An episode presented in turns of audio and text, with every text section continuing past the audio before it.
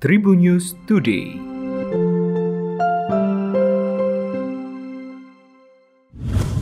Tribuners berjumpa kembali bersama Hakim di Tribun News Today dan Hakim akan berbagi informasi menarik hari ini mulai dari informasi nasional, internasional, selebritis hingga olahraga. Informasi pertama, Ketua Umum DPP PDI Perjuangan Megawati Soekarno Putri masih merahasiakan nama calon presiden dan calon wakil presiden yang akan diusung partainya. Alasan Megawati masih merahasiakan nama capres dari PDI Perjuangan karena Pilpres 2024 masih dua tahun ke depan. Hal itu disampaikan Megawati dalam sambutan penutupan Rakernas 2 PDI Perjuangan di sekolah Partai Lenteng Agung Jakarta Selatan pada Kamis 23 Juni kemarin. Presiden kelima Republik Indonesia itu juga meminta sejumlah pihak bersabar soal kapan PDI Perjuangan mengumumkan nama Capres 2024. Megawati pun mengulas soal pengalamannya saat terjun ke dunia politik sejak tahun 1986. Menurutnya, dalam menjadi pejabat itu mudah karena sudah ada aturan yang tertulis dan dibuat. Namun Megawati menegaskan bahwa dirinya bukan mencari seorang presiden, tetapi mencari seorang pemimpin bangsa. Informasi kedua, saat ini Sri Lanka mengalami krisis ekonomi terburuk sejak kemerdekaan. Perdana Menteri Sri Lanka Ranil berbicara tentang kebangkrutan negaranya.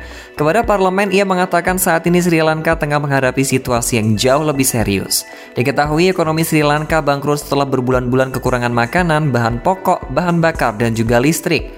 Karena utang yang besar dari perusahaan minyaknya, Ranil mengatakan Sri Lanka tak bisa membeli bahan bakar impor. Ceylon Petroleum Corporation memiliki utang sebesar 700 juta dolar katanya kepada anggota parlemen. Dilansir dari ABC News, anggota parlemen dari dua partai oposisi utama memboikot parlemen minggu ini untuk memprotes Ranil karena gagal memenuhi janjinya untuk mengubah perekonomian. Komentar Perdana Menteri Ranil dimaksudkan untuk menekankan kepada kritikus dan anggota parlemen oposisi bahwa ia telah mewarisi tugas yang sulit dan tidak dapat diperbaiki dengan cepat. Ekonomi Sri Lanka kandas di bawah beban utang yang besar, kehilangan pendapatan pariwisata dan efek lain dari pandemi, serta melonjaknya biaya komoditas. Informasi ketiga datang dari dunia selebritis. Setelah lima tahun menikah, Dewi Persik digugat cerai oleh suaminya Angga Wijaya. Diketahui Angga Wijaya telah mendaftarkan permohonan cerainya pada Dewi Persik pada 20 Juni 2022 lalu di Pengadilan Agama Jakarta Selatan. Kabar kandasnya rumah tangga Dewi Persik itu tak ayal cukup mengejutkan publik.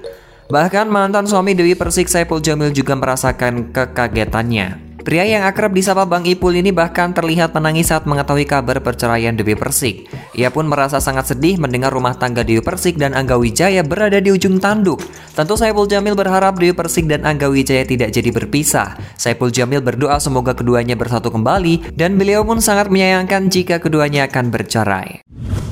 Informasi terakhir datang dari dunia olahraga. Timnas basket Indonesia telah selesai melakukan rangkaian uji coba di Australia untuk persiapan FIBA Asia Cup 2022.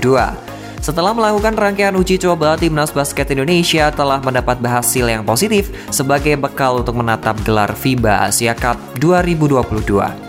Harapannya dengan hasil positif di Australia dapat memudahkan penggawa timnas basket Indonesia untuk merengkuh hasil positif di FIBA Asia Cup 2022. Sebagaimana target dari Arki Wisnu dan kawan-kawan ingin mengamankan tiket Piala Dunia 2023 lewat FIBA Asia Cup 2022.